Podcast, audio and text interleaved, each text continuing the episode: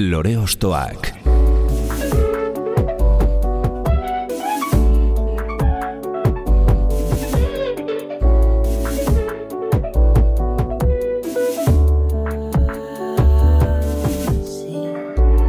Ekain perezek aurkeztuta, gonbidatu bakoitza lore bat balitz bezala ostokatuko dugu. Jakiteko, zeintzuk diren bere lore ostoak. Haupa, zer moduz, ongi etorri, lore ostoakera. Donostian, soul, funk eta pop melodien artean musika beltza bezala definitu izan dugun horren ordezkarietako bat da gaurko atalonen protagonista. Amazazpi urterekin igozen lehen aldiz holtza gainera, Iker Lauroba, Charlie and the Colors, Indigo eta Tristan Crowley abeslarin aiztaldekin bere lehen pausuak eman da. 2018an, de orein lanarekin bere bakarkako bideari hasiera eman ostean, 2008ko hemen berriro diskoa behin betiko aurrera pausua da. Eta, ari horretatik tiraka, bertako kantuak entzutaz gain, atzean dauden mezu eta nolabaiteko beste influentziak ezagutzen saiatuko gara. Hau lore ostoak da, eta gaurko gure lorea, Sara Azurza. Ura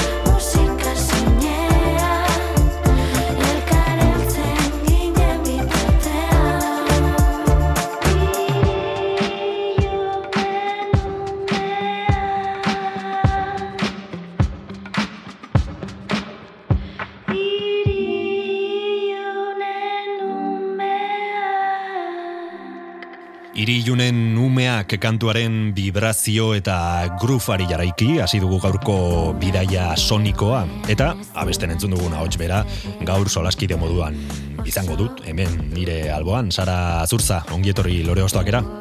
Aixo mila esker De orein eta hemen berriro diskoa aipatu ditugu, baina entzuten ari garen irilunen umeak, ez dago ez batean ez da bestean ere.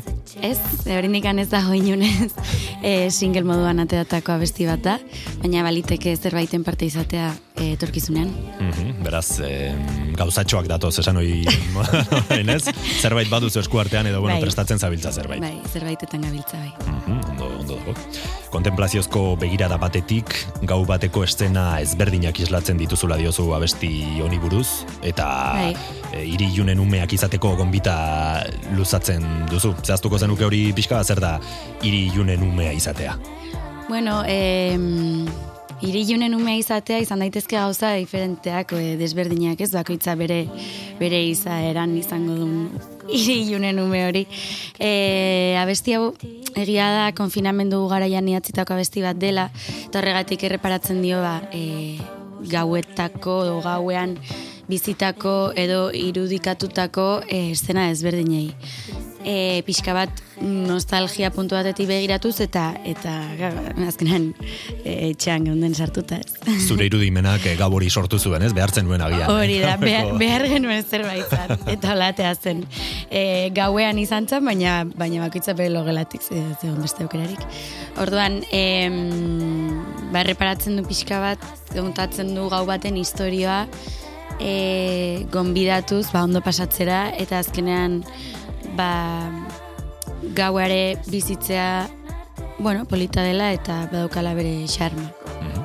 El Tigre Studiosen Jon Agirrezabalagaren produkziopean osatu duzu kantua, nola izan da prozesua? Ba, egia san e, oso, oso ondo atea da dena. E, oso komoda izan da jonekin lan egitea. E, orain arte ez nuen beraekin lanik egin. E, egia da berataz hitz egin, bueno, hitz egin ziatela bere garaian e, kontaktua izan genuna, izan genula, baina e, egia san, ba, bere estudiora jo nintzen, e, ni ban euskan hor poltsikoan asti batzuk, eta, eta bueno, lehenik, eta baina harreman bat e, finkatzera ez.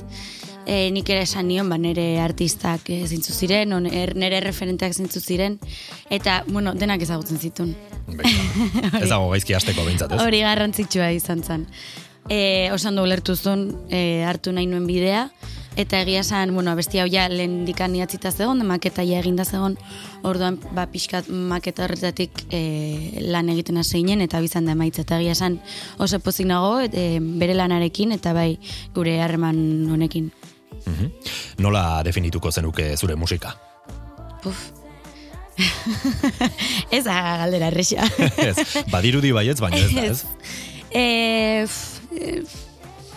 A ber, ni musika egiten den dena meti saiatzen naiz eh, bihotzetik egiten eta bihotzetara iristen. Egia da batzuk eh, ritmo gehiago dutela, bestatzula saiagoa direla, baina esango nuke nire musika bai dela em, ezakit, emozionala edo sentibera o ez dakit, beti ez, bueno, espero dut jendeak berdina pentsatzea, igual Hori da, transmisio hori mantentzea. Hori da, transmisio hori sentitzea. Askotan esan den montaña rusa moduko bat dela baita ere, mm ba, badulako balada asko, gero badaude mm, abesti antzagarriagoak, baina azkenan edo zein artistaren diskografian, ez? Aurkitu itzazkegulako desberdintasunak. Baina bai, esango nuke musika sentikorra edo egiten detela, ez dakit. Beno, ba, zure musika nolabait zer den jakin eta gero, zure musikaren atzean edo alboan dauden euskal kantuen atzetik jarriko gara orain. Lore ostoak.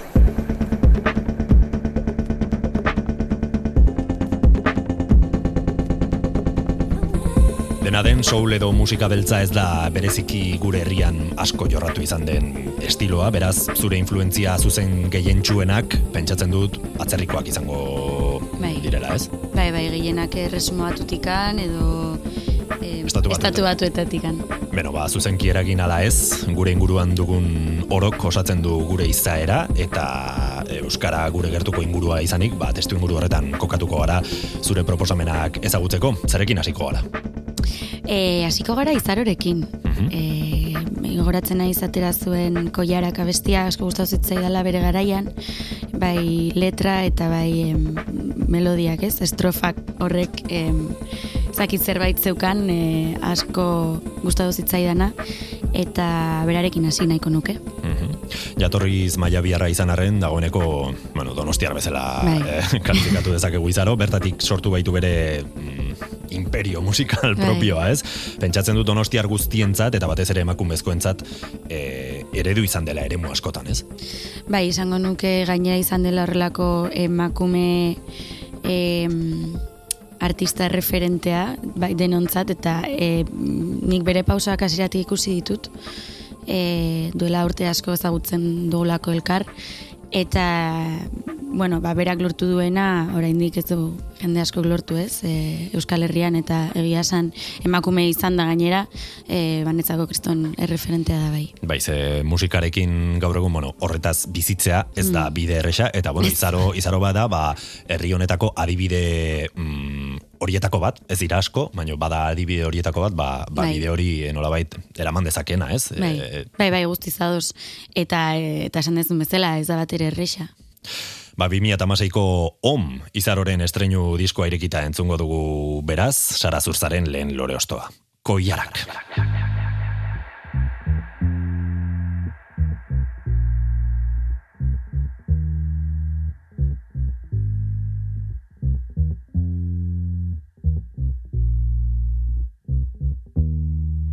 Etxe bat bezala balitz Nire bizitzaren armairua Etxe bat bezala balitz. Nire bizitzaren gordailua Jarriko nuke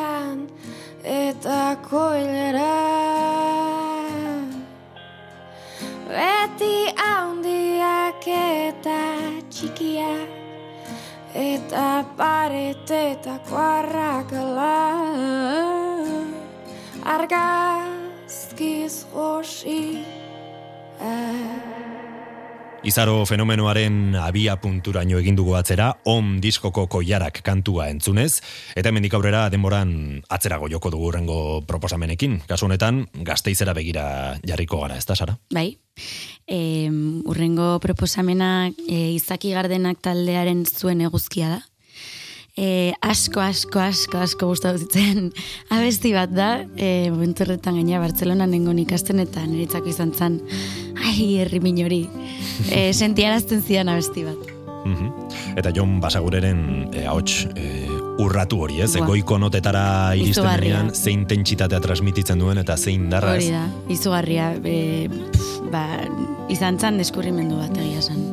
Eta, eta hotx hori, hori urratua ez, eta izten zela, bueno, estribilloan entzungo ez dute. Mhm. E, nola iristen dena ingora. Hori da, eta ondo gainera. eta oso ondo. Mhm. Bai, ze badirudi apurtuko dela hotxa, baino, Bai, baino, ke ba, ke ba. baino ederki iristen Bai. da, horrez? Eta bad, agian bada nolabait, e, bueno, lehen aipatu dugu musika beltza edo soul estiloetan, eta e, horrelako mm, kantatzeko modu hori badago, Bai. ez? E, intentsitate hori transmititzeko e, beharra edo... Bai, azkenan, e, bueno, soul arima e, esan nahi du, eta azkenan uste bai dela modu bat, hor, arimatik ateratzen den e, abesteko modu bat. Mhm, oihu bat, ez? Oiu bat. Et, igual kontua izan bar da batzutan hau ez abesteko, baina, Bai. baina bai, bai, eta abesti honetan ez, ze goxo hasten den, eta nola igotzen den estribilloan. Mhm, Eta nola iritsi zinen abesti honetara? Zuk zeuk deskubritu zenun, e, norbaitek e, erakutsi zizun edo? Ez, nik deskubritu nun e, Spotifyen. Aha. e, duela urte asko. Ez dakit nola, ja naiz gogoratzen, baina bakit Spotifyen izan zala. Eta em, orduan disko, bueno, diskoa ezagutu nun, disko oso entzun nun, eta ja, hau da nere, nera besti guztokoena. Mhm, Spotify askotan aipatzen dugu, bueno, zorionez edo zoritxarrez, baino e, bai, asko, asko aldatu du musika kontsumitzeko modua bai Spotifyk eta beste e, streaming plataformek, ez? Bai. Esan duzu, en, deskubritzeko modu berriak ireki dizkigu, ba, Bai, ba zu zaude barruan eta derrepente azaltzen zaizu kantu bat eta esaten duzu, ai ba, ba, ba begira, ez? Eta eta nire gustukoa da, badirudi, ba makinak badakila zer zer duzu gustuko eta zer ez, ez? Nola ezagutzen gaitun algoritmoak, eh? hori da pff, beldurgarria, baina liberean aprobetsatzeko batzutan zebida, bestela ez nun deskubrituko. Hori da, bere alde honekin eta txarrekin, ez? Bai. Eta alde ona hartuko dugu hemen beste behin, entzungo dugun amaieratik hasi 2013ko izaki gardenaken mm, diskoa irekita abesti hau ekarri baitiku, Sara Zurzak, zuen eguzkia.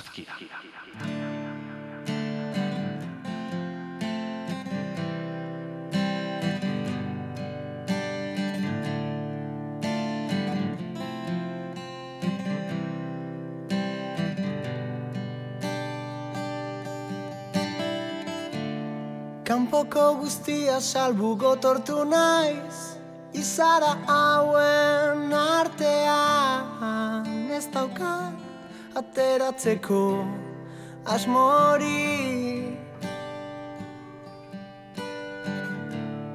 Ez du salbatuko nauen deirik nahi Errukiaren atzean. Eskuak amorruz beterik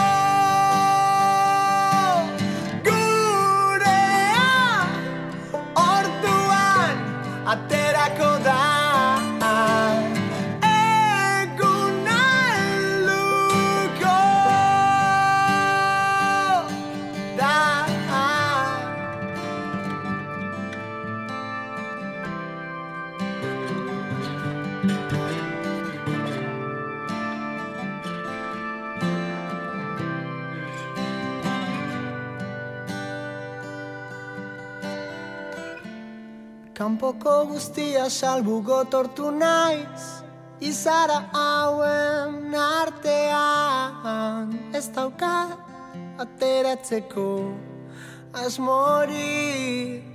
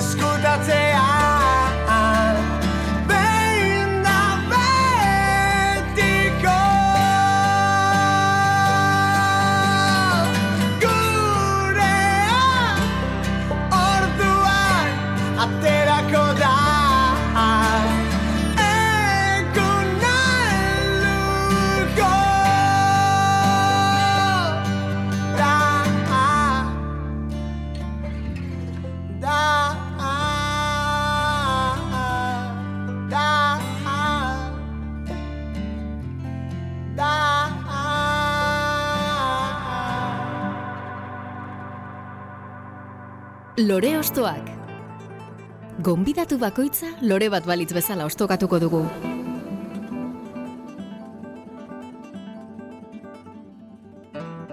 Sara Zurza Donostiarra ostokatzen gabiltza gaurkoan eta Jon Basagurenen ahotsaren ondotik e, Donostiara itzuliko gara, ez da, Sara? Bai. Norekin? E, Edo zarrekin? Bueno, lauro barekin, lauro barekin, lauro bat taldea musu batekin.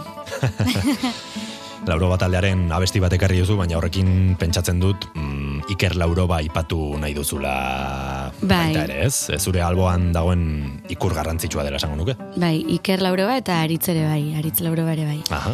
Biak e, lauro bat taldekoak ziren. Eta abesti hau aukeratu berri izan dut, behar, beharrezkoa zen abesti hau e, aukeratzea. E, bueno, azkenan beraien gatiko, pixka bat bere gatik ere bainagolako musikan. Eta, ba, zordiet. Ez? Eta abesti hau izan zen lauro bat taldea eskubritu e, nuen abestia eta begira ze bidea egin dugun geroztik, ez? 2000 eta amarran atera zuten, ba nik uste dut 2000 eta amaikan ezagutu genula elkar, eta gaur egun oraindik e, bide laguna gera.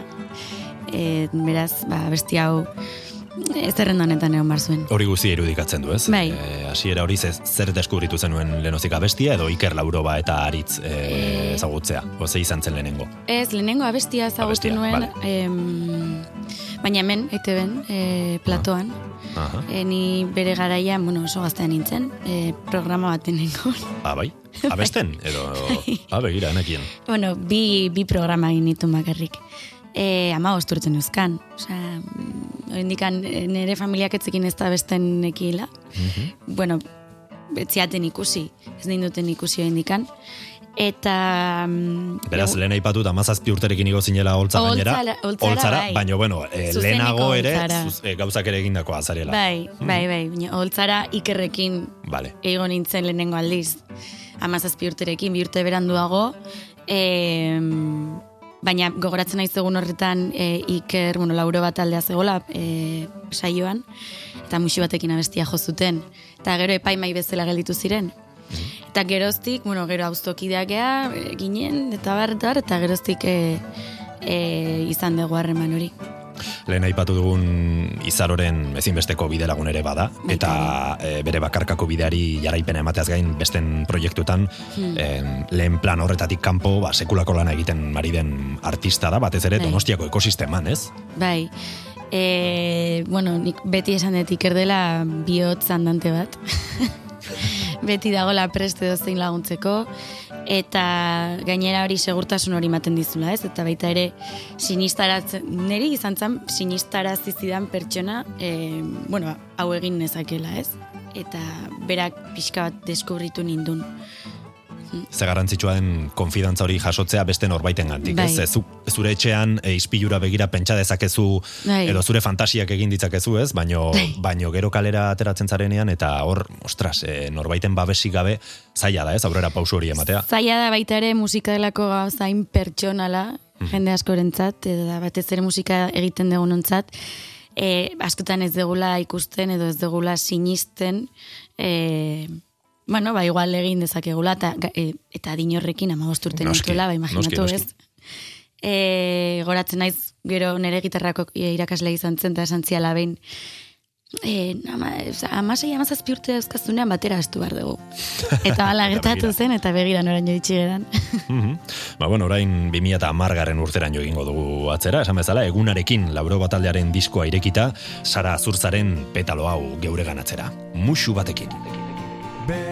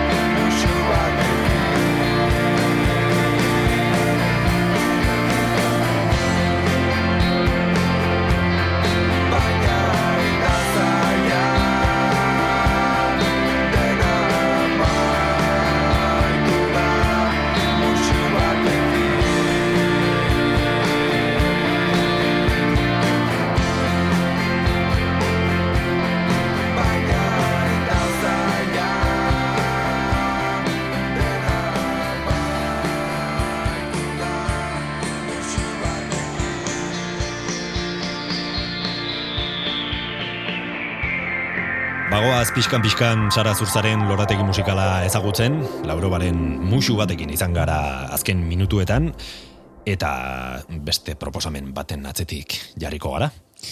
Bai, e, nire horrengo proposamena, e, Katamalore metazalak erauztean abestia da.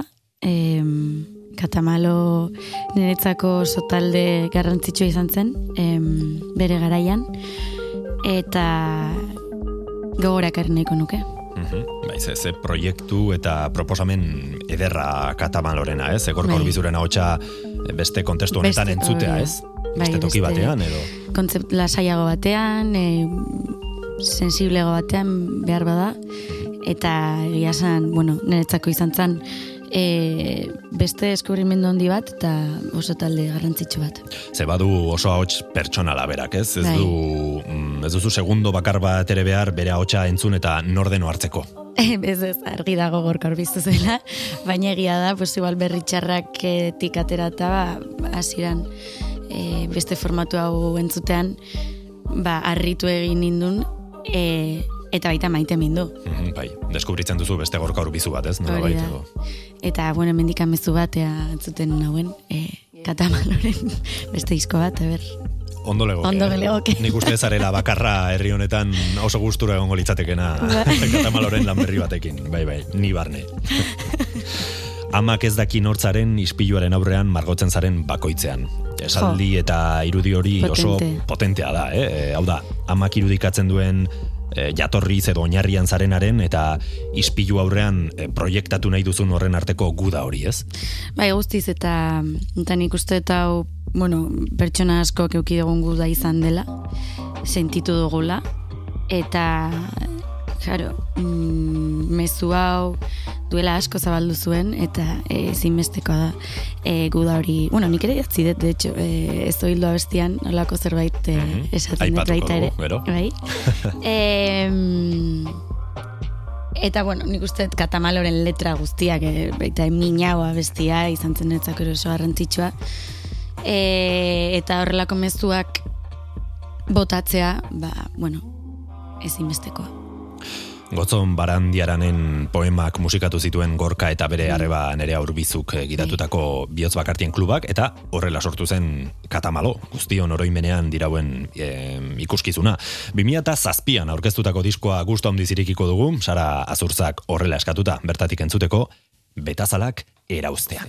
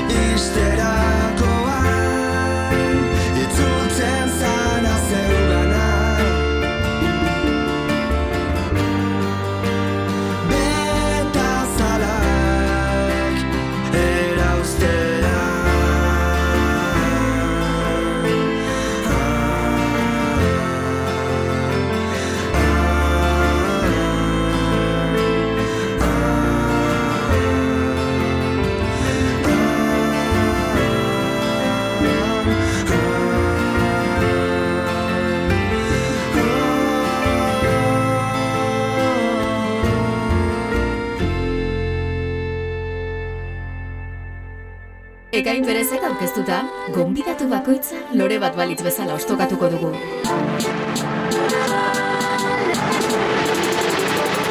Lore ostoak.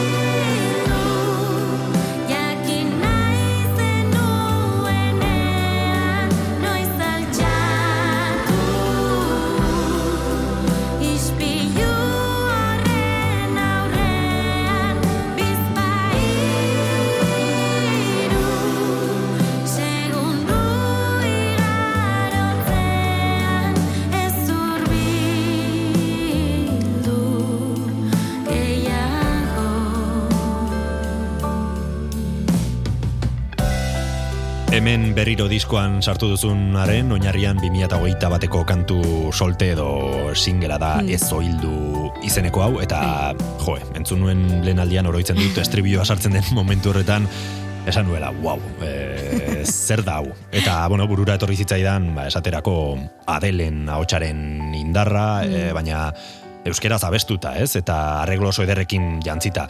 Nola sortu zenuen kantu hau? E, bueno, lehenik eta eskerrik asko. Zuri, kantu hau sortzeagatik. eskerrik asko zure itzengatik. E, nola sortu nuen abesti hau? Egia esan izan zan ikerrek bidalizian melodia, bueno, pia, asirako melodia hori, e, pianoena. E, eta horren gainetik ja imaginatu nuen Melodia. e, melodia guztia. E, eta egia da gertatzen zaitena da batzutan olako abestiekin da e, ateratzen zaizkidala. Osa, daukatela zerbait barruan da atera da egiten zaidala. Eta hau izan zen, ba, melodia hau entzutean, e, ikerren estudiora jo nintzen, berak pianoarekin jo zuen, eta horrela atera zen. Gero egia da, ba, letra ia gehiena ere horrela atera zen, gero egia da, ba, bueno, aldaketa batzuk eta egoten direla, baina e, sortu nuen ez gitarrarekin, ez, e, osea, hori ikerrekin, e, bere estudioan, pixka bat zuzenean bezala. E, banekien baita ere antxidadeari edo horrelako gaixotasun mentalen inguruan hitz egin nahi nuela, e, nik e, bueno, bizi izan deten e, horrelako bueno, episodio batzun gatik. Eta, ba, justo, ba, hau 2008 batean idatzita, ba, nik eh, episodio hauek, pues, igual urte, pare bat urte lehenago izan nituen. Eta hau izan zen, nire lehenengo abestia, ba, pixka bat, nire mm, bihotza, nire horrelako min bat irekitzeko balio izan zidana. Eta horregatik uste dut hori barruan zegoela eta horregatik ez nuela hainbeste pentsatu abesti hau e, horrela ateratze, aterazitzaidanean. E, baita ere nahi nuen abesti hau mm, ba, olako gaixotasunak normalizatzeko bide bat bezala izatea eta espero dut e, balio izana. Nik uste hori nabari dela, eh? atzean dagoena edo kontatzen duzuna egiazkoa dela eta sentimendu hori eh, transmititzen dela. Eta Bai. askotan hain errez edo bueno, hain zuzenki ateratzen diren ideiak ba, ba mm, gero nabaritzen da, ez? E, jo, e, hau Etzen- patuaren kontua zen sortu behar zen Bai. kantu bat zela, ez? Hori da, badaude besti batzuk ez bilatu behar dezuna gehiago, ez? Bai. Bai. Estrofa, gero estrilla, gero lakoztu bi egingo dut, eta hau badaude beste besti batzuk hau bezalakoak, e, at, ateratzen direla barrutikan dagolako behar hori ateratzeko. Lehen katamaloren kantuan aipatu bezala ispilu aurrean jartzerakoan e, benetan nortzaren galdetzen diozu zure buruari edo em, hortik doa, ez, pixka bat. bai. Antzekotasun bat badu ez, lehen aipatu duzu gainera. Bai, nik ere ispilua erabiltzen dut besti honetan, estribilloan. Em, Eta bueno, orokorrean kantu askotan erabili izan den e, Bai. kontzeptua da, Bai. ez? Ispilua, ze askorako ematen du, e, refleksiorako. Bai, e, eta besti honetan ispiluaren e, bueno, irudia erabili nun baita ere, ba, momentu horretan nik ikusten nuna ispilua nahi zitzaialako gustatzen. eta horrelako momentu asko bizi izan ditugu bizitzan, ez? Ez esaten dut e, iru segunduz. E, eta ez urbildu gehiago. Da baita ere, ba, momentu bat nahiko pertsonala ispilura begiratzea, eta honekin aldarrikatzen dut ez dagola ezer gaizki e, ispilura begiratze horrekin. Eta askotan, ba hori pixka bate makillatu egiten gerela, ez? Ispilu horren aurrean, baita katamalok esaten duen bezala. E, eta azkenan bakoitzak bere barruari begiratu behar diola, baina esker batzutan barrura begiratzen dezunean, o ez, ez zaizu gustatzen ikusten dezuna, o sentitzen dezuna. Eta askotan gertatzen dara bai ispilu batean begiratzen hasten zeanean, barru hori ikusteko gaitasuna dezula. Eta e, abestiak, bueno, e, estri, bueno ez, ez oildu esaten zuen, ez usatu, ez? E, usatu barrean Onartu. onartu edo, eta egina aurre horri. Zuk idatzi hoi dituzu kantu guztien hitzak edo Bai. Eta nola mm, Bai. nola egin ohi duzu? Lehenengo aipatuzu adibez kantu honetan lehenengo melodia etorri zela, ez? E, Bai. Normalean nola Bai. izan ohi da? Melodia eta gero hitzak gainetik jartzen dituzu edo Normalean horrela egin dut, e, melodia lehenago eta gero hitzak. E, baina beste batzutan, e, hitzekin hasi naiz ere bai. Ez dakitena da, inoiz zertaz idatziko deten. Hori ez dakit. Ah, ez, eh? Ez duzu pentsatzen horretan. Ose, idazten hasten zara eta Eta... Azten, azten naiz eta momentuan etortzen zaidan, o, prozesu horretan badakit, e, bueno, ateratzen zait barruan daukadetan, eta barruan benetan okezkatzen hauena, o espresatu nahi detena, eta bar, baina ez dut pentsatzen e, ingoet honen kontra, o, o honetaz hitz egingo dut, o, azkenan barruko prekupazio hauek ateratzen ditut, edo bizipen horiek. Lore Ostoak. Gonbidatu bakoitza lore bat balitz bezala ostokatuko dugu.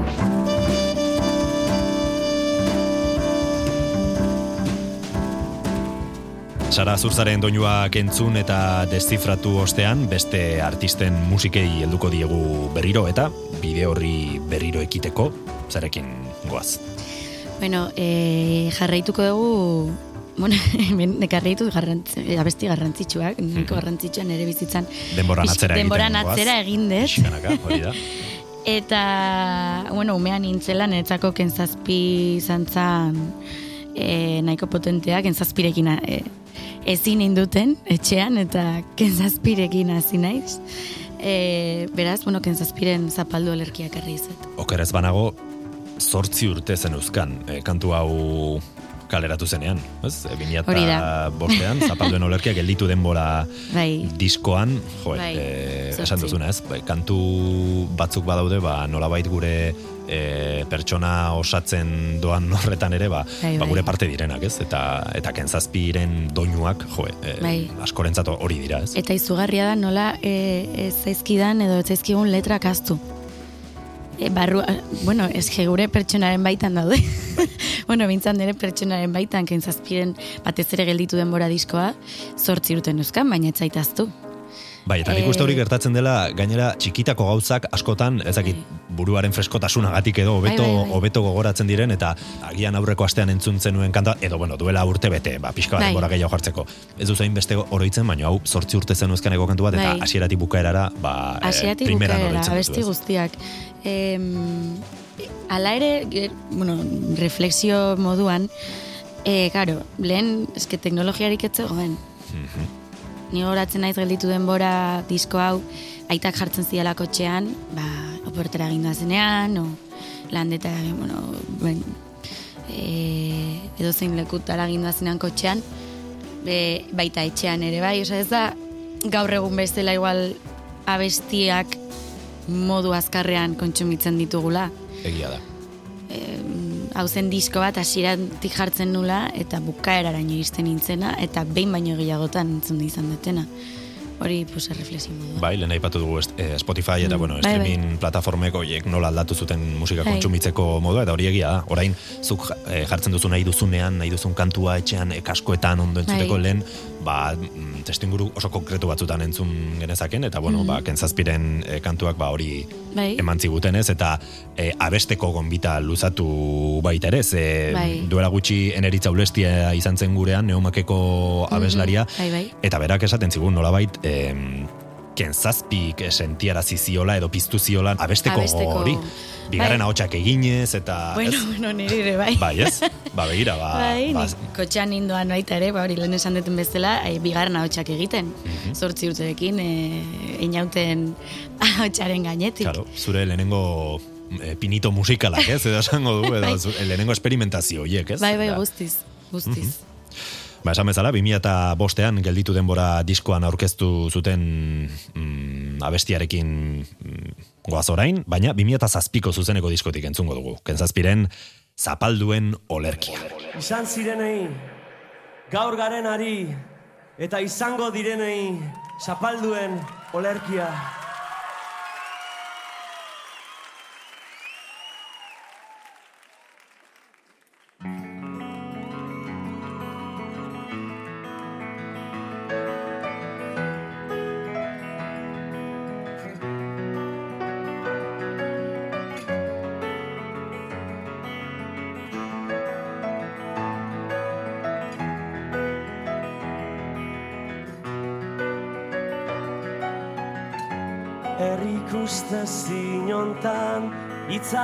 Itzalekin jolasten, neu izaten saiatzen, ero amargozten, nire zintasun denak, behin da berriz kantatzen.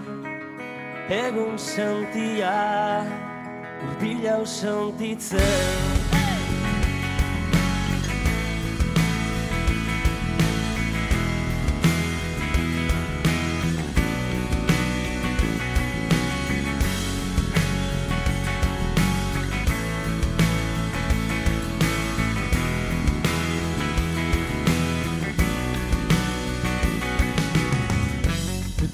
Ez dugu berdin kontatzen historia Zaila da ulertzea bestearen egia Baina kantatu nahi dut hey! Estalita duten samin guztia Hoe gutxegi amaren balkoegi Lapurtzen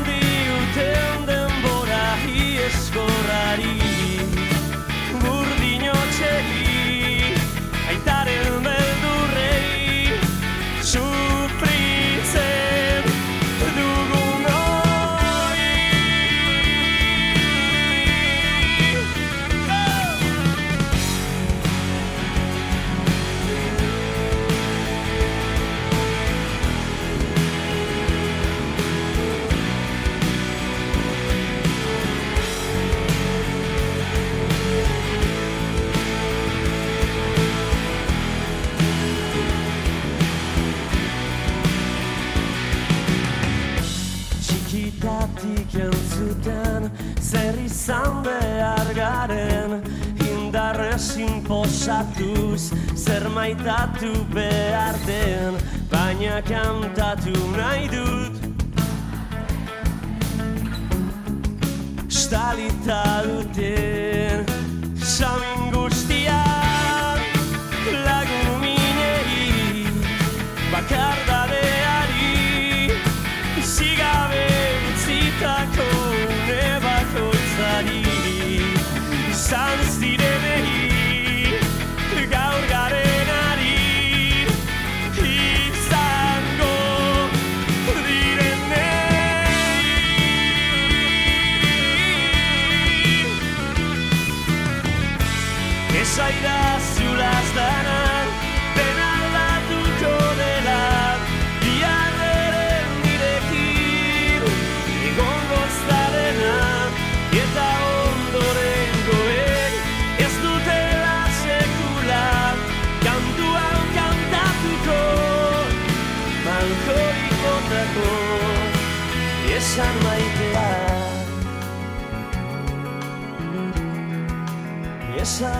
Esan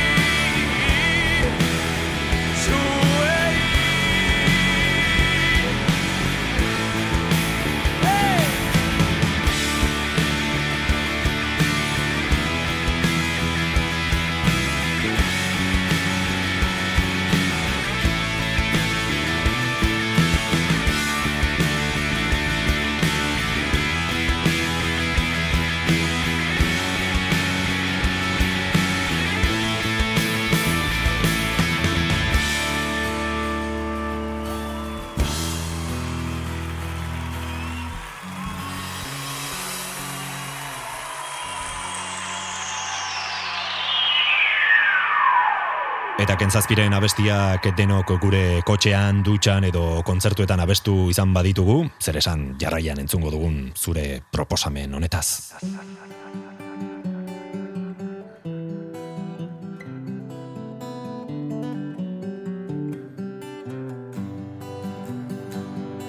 Arotzak zuen alaba bat Zan herriko xarman garriena Bi gizonek nahi zuten jabe izan. Haren bihotzaz nola esan? Zer dun, zer dun, ene alaba. Marinela maite dut aita Ez aldun ulertzen ezinezkoa da. Jauntxoa dairetzat maitia. Orduan negarriak denak ziren bat. Maitasun ukatuaren Jauntxoa dator iresku bila Marinela Irlandara doa. Romeo eta Julietaren moduko ezinezko maitasun historio honekin hartu dugu askoren bizitzako kapitulu musikal esanguratsua den sorotan beleren e, musika. Mila beratzen da laro mairuraino joan gara honekin. Hemendik aurrerako proposamenetan ezinen jaioak kaleratze Ez. momentuan, Hori baina... esan behar nun, e, Hori nintzen jaio. Baina, bueno, hori da musikaren magia, ez? Ondare hori urrengo generazioen eskuetan ere gelditzen dela. Bai, e, eta garrantzitsua da bereskuratzea, eta garrantzitsua da gogora ekartzea e, horrelako abestiak, ez? Gainera, ba hori, gaur egun oraindikan erabiltzen dugu, historia hauek e, zinezko amodioa bezalako e, kontakizunak abestietan oraindikan jarraitzen duze, dute izaten, eta eta oraindik zer esan ba itxasoarekin lotura duten Hori da. amodio, ezinezko amodio hauek, ez? Mhm. Eta eh, non, non kokatzen duzu zure buru hau mm, entzuten edo. Fua, em, oso umean nintzela. Eta baita ere abestia izan zen gitarrarekin em, gitarra jotzeko e, erabili nuen lehen abestia. Aha. Honekin ikasi Honekin ikasi nun edo. hori da, le, bueno, Edo, honekin- bueno, lehenengo kantua atera zen- jotzeko. Hori da, atera nuna hau izan zen. Aha. E, Orduan, abesti honekin lehen aldiz jo nuen gitarra eta abestu. Gazten, oso gazten nintzen. Bai, bai, bai, baina bueno, hori bai da pausu bat, ez? Bai. E, gauza bada bestea, Bai. bestea, gaina zuk gitarra eskuetan jarrita eta bestean, ez, da, ez da beste kantu baten gainean abesten ari zarela, baizik eta Bai. zu ari zara em, Bai. ba, musika egiten, ez? Ez kantatzen bakarrik, musika egiten. E, Hori da. Eta eta beste honekin gainera asko gustatzen zitzaidan abestea e, horrestrilloan dauzkan e, giroiek e, Mhm. bueno, e, pf, izugarriak dira besteko. E, eta orduan eramaten nau nere infantziara pixka bat. E, infantzia pues, euskal musikarekiko nahiko fol folklorea Mhm. bai, e, familian folklorea asko izan dugu presente. Bizi izan duzu hori bai, etxean. bai. E, eta hori ikartzen dago gora, pixka bat familia, ba, lehenengo gitarraekin, bueno, lehenengo abestia, eta gero ere, ba, bueno, ezinezko amodio hau, eta itxasoarekin daukagun harremana ez, nik itxasoarekin harreman estua daukat. Eta, eta hori ikartzen di pixka dago gora. Esan beharra dago Willio Winsbury, kantu Bai. herriko eskoziararen e, bertsioa dela hau, eta batez ere Pentangol taldeak Bai. mm, eskainitako kantuarena, baina internetik gabeko informazio jarioa oso murritza zen garai hartan, ba, horrelako bertsioak ziren kantu horiek ezagutzeko modu garrantzitsua, eta euskal talde eta bakarlari askok egin zuten e, ariketa hori. Sorotan bele, aipatu diguzu, eta nola ez, Mikel Aboa ere ekarri diguzu. Izarren hautsa egun batean Bilakatu zen bizigai Hautsartatikan uste gabean Noiz bai gina den guer nahi Eta horrela bizitzen gera Sortuz ta sortuz gure aukera Atxedenik hartu gabe Lana eginaz goaz aurrera Kate horretan denok batera Gogor kiloturi gaude Gizonak badu inguru latz bat Menperatzeko premia. Burruka hortan bizi da eta hori du bere egia. Ekin ta ekin bilatzen ditu Zaiatze hortan ezin gelditu Jakintza eta argia Bide ilunak nekez aurkitu. Lege berriak noiz baiter ditu Hortan jokatuz bizia. Gizonen lana jakintza dugu Ezagutu zaldatzea Naturarekin bat izan eta harremanetan sartzea. Eta indarrak ongi errotuz Gure sustraiak lurrari lotuz Bertatikan irautea.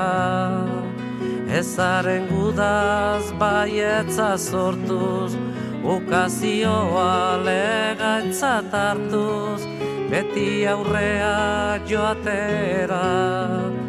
Ez da dukanak ongi oidaki, eukitzea zein den ona. Bere premiak bete nahian, beti bizi da gizona. Gu ere zerbait bagera eta gauden tokitik hemendik bertan zaia gaitezen ikusten ametxeroak baztertuz bertan sasi zikinak behingo zerreta bideon bat aukeratzen.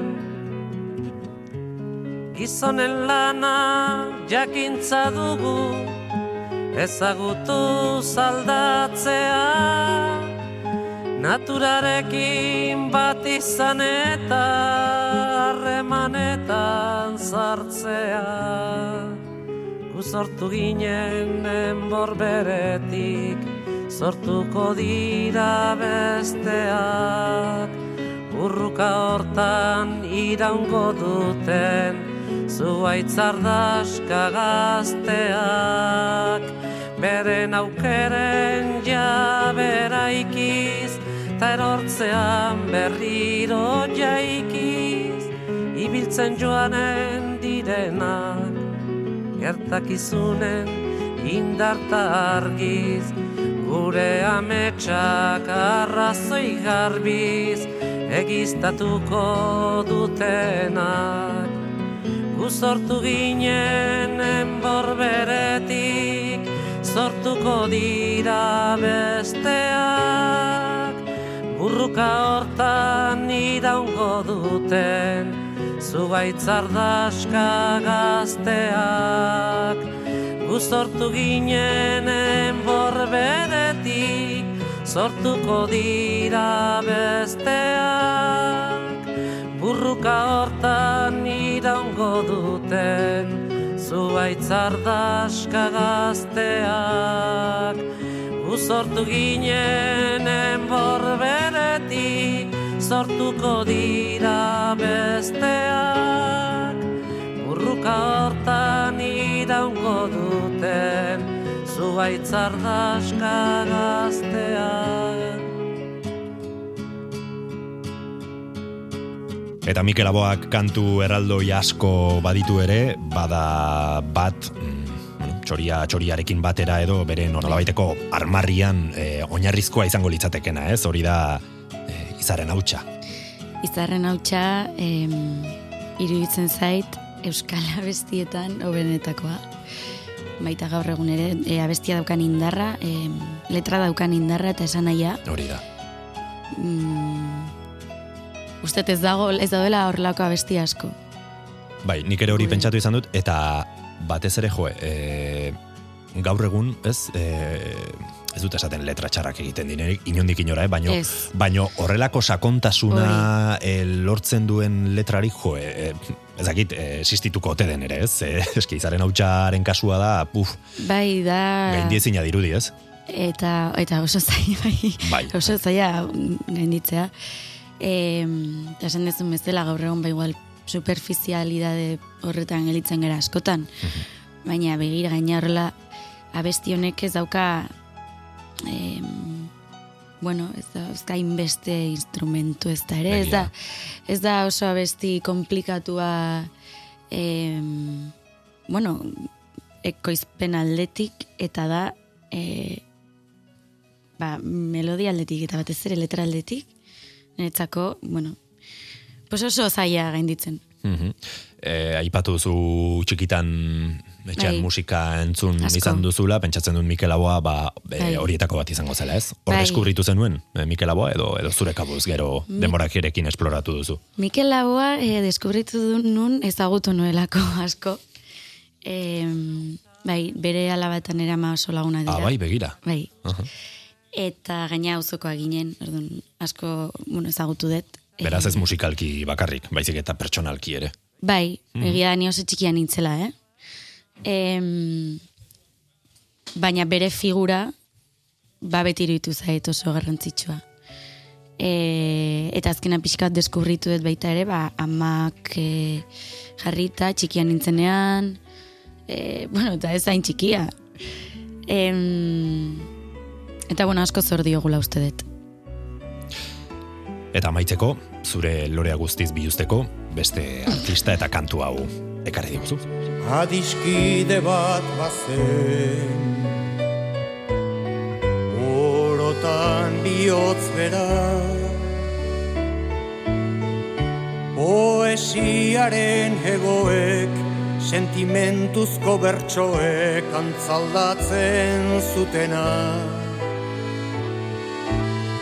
Plazetako kantari bakardadez josia Itzen lioa iruten, bere barnean irauten, oinazez ikasia, ikasia.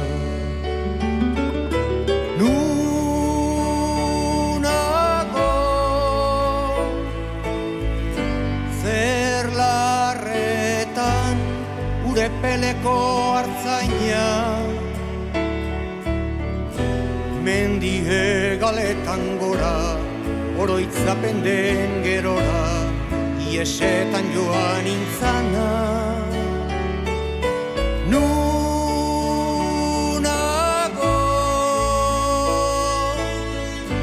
zer larretan ure peleko hartzaina Mendie galetan gora, oroitzapen den gerora, iesetan joan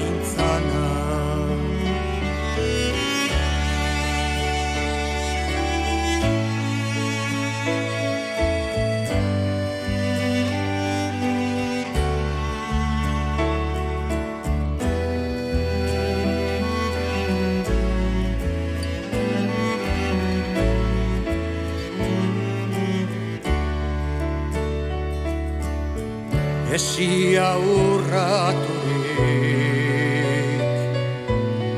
Libratuen kanta Lotura guztietatik Gorputzaren mugetatik Aske sentitu nahirik. Azken atxaguela bertsorik sakonena. Inoiz esan ezin diren estalitako egien Oiurik bortitzena,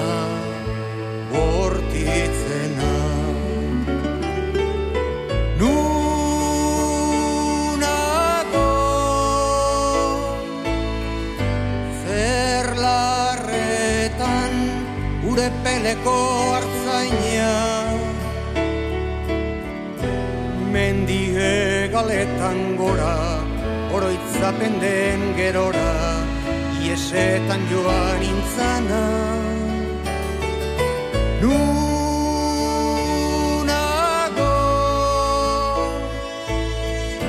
zer larretan ure peleko hartzaina. Mendie galetan gora, oroitzapen den gerora, iesetan joan intzana.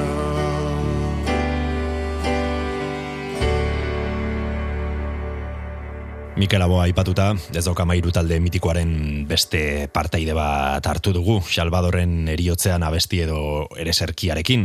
Oi hartzuneraino, jo dugu, Xavier Leterekin, e, topo egiteko, guk lore osto bat eskatu eta lore bat, zauri bat, diskoa ekarri diguzu kantu Bai. honekin. Zer dela eta, Sara? E, ba, ezin zen falta besti hau.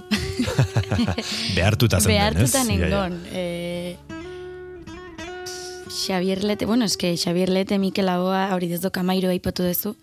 E, ez doka mairo taldea osatzen zuten em, abeslari guztiek egin zutena bere garaian, bere aldarrikapenak e, eta ba, e, horretarako esatu zituzten abestiak. E, mm, ba, niretzako dira oso garrantzitsuak, e, nire bizitzan izan dira oso garrantzitsuak, eta baita, bera, pusken zazpi bezala igual pixkat e, azarragoa nintzenean, baina umean nintzenean Xabierlet eta Mikel Adoarekin jaio naiz baita ere. Eta eta Xabierletek abestinetan ebai aldarrikatzen duen, bot, bueno, botatzen duen e, eriotzari nola egiten dion oiu e, ba, ukitzen nauen abesti bada. Eta nik askotan, ba, eriotza buruan izan detenan, edo eriotzari abestu nahi izan diotenean, diodanean, ba, abesti hau e, aukeratu dut beti. E, abesti hau, ba, igual, ekartzen hau burura nera itonarekin abesten nuen abesti bat izatea, e, nere izebarekin, e, nere familiarekin, eta niretzako abesti hau da, ba, behar bada familia artean batak bestearekin batu gaituen zerbait. Ez? Eta, bueno, bai, Bai. biluztu naiz. Mhm, Hori da. Aipatu zu zure familiarekin abesteko e, kantu bat dela eta bueno, Bai. be, orokorrean, ez? Nik esango nuke honetan ba abestera Herriarekin lehen aipatu dugu kentzazpi sorotan bele eta jo, kantu hau bazkari afari eta Hori beste da. edozein eh, motatako mm, ospakizunetan, jo, e, ezin falta liteken abesti horietako bat da, ez? Komunidadea sortzen duen bai, eta herria sortzen duen kantu bat. Bai, e, eta uste hori galdu egin dela asko. Eta pena handia ematen dit. E, hau baizelako behintzat, bueno, indikan igual ez da inbeste galdu, baina, baina bai, galdu da. E, tradizio hau, ez? E, hauzko tradizio hau. E, belaunaldi batetik bestera horrelako abestiak transmititzeko e, zegon joera hori. Esan dezun bezala bazkari baten ostean. Guk hau hori egiten genuen, bazkarian ostean abestu. E, eta gaur egun bai hain oikoa. Lore Ostoak.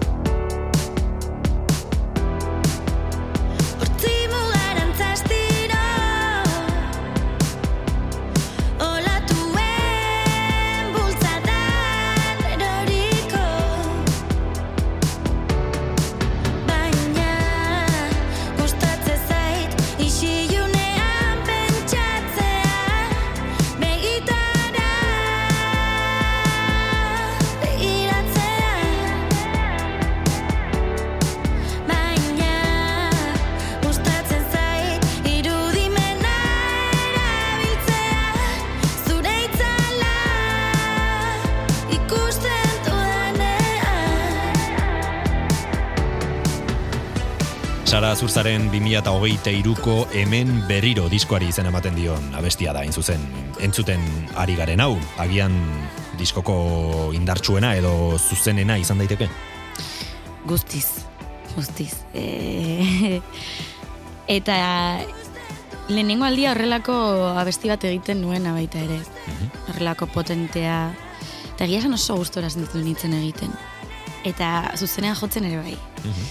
E, hemen berriro izena do bestiak eta gaina izena ematen dio diskoari. Hori da.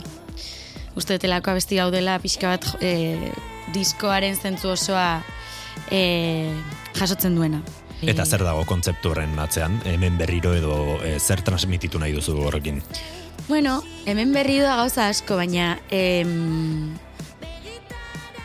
konturatu nintzen, nire, bueno, abestiak errepasatzen nahi nintzela, eta eta abestiak begiratzen nahi nintzela, pixka bat eh, diskoaren nundik norakoak begiratzeko. Em, askotan, emoz, ba, hitz egiten nun emozio hoiek behin da berriro pasatzen ditula. Gure azkenen bizitzan eh, honetan ez. Baditugulako gora berak. Eta zenbat aldiz ba, bizitza dauden zirkularra eta emozio hau eta bestea eta sentituko dugu hau eta bestea eta askotan ez digute erakutsi zer den emozio bakoitza eta eta zer gertatzen ari zait eta bueno, e, bizitzak emate dizkizu erramintak ba, mm, emozio batetik bestera edo sentimendu batetik bestera igarotzeko eta horregatik da hemen berriro. Hemen berriro ba, gaur hemen gaude e, elkarrizketa hau e, izaten eta nire burua pixka biluztu dut. Horrek ematen dit emozio bat eta bueno, ba, zenbat aldiz e, pasatzen geran horretatik Hemen berriro diskoak bide baten masiera irudikatzen duela esango nuke, bide oparo batena, eta hemendik aurrera, ze plan dituzu? Ba, bueno, e, urtea itxiko dugu txigidalekun e, Begira. kontzertu baten. Bai, e, Toki polita, urte. Ota, eta oso polita, oso polita eta oso berezia. Eta nire, zen hobeto itxi egia san. Oso pozik nago. E, eta hurrengo urtera begira, ba, bueno, gauzak prestatzen ari naiz, gogo eta ilusio handiarekin. E, beraz, bueno, nire berri izango ez dute. primeran, eta gu adi egongo gara, ba, berri hoiek eh, xurgatzeko. ba, zure bideak aurrera jarraituko du, baina gaur hemen egin dugunaren amaierara iritsi gara, Sara Zurza, mi esker, lore ostoaken parte izategatik, eta zure ideia eta kantu kutxunak gurekin konpartitzagatik. Mi esker zuri. Ondo izan. Eta zuri entzule betiko moduan, eskerrak eman dizkizut, baita zu ere bide honen parte zarelako, bez bai luke zentzurik izango guzti hau igortzea, beste aldean hartzailerik ez balego. Urrengo atalean elkartuko gara eta bitartean Sara Zurzaren hemen berriro entzunez utziko zaituztet. Ondo izan eta urren arte.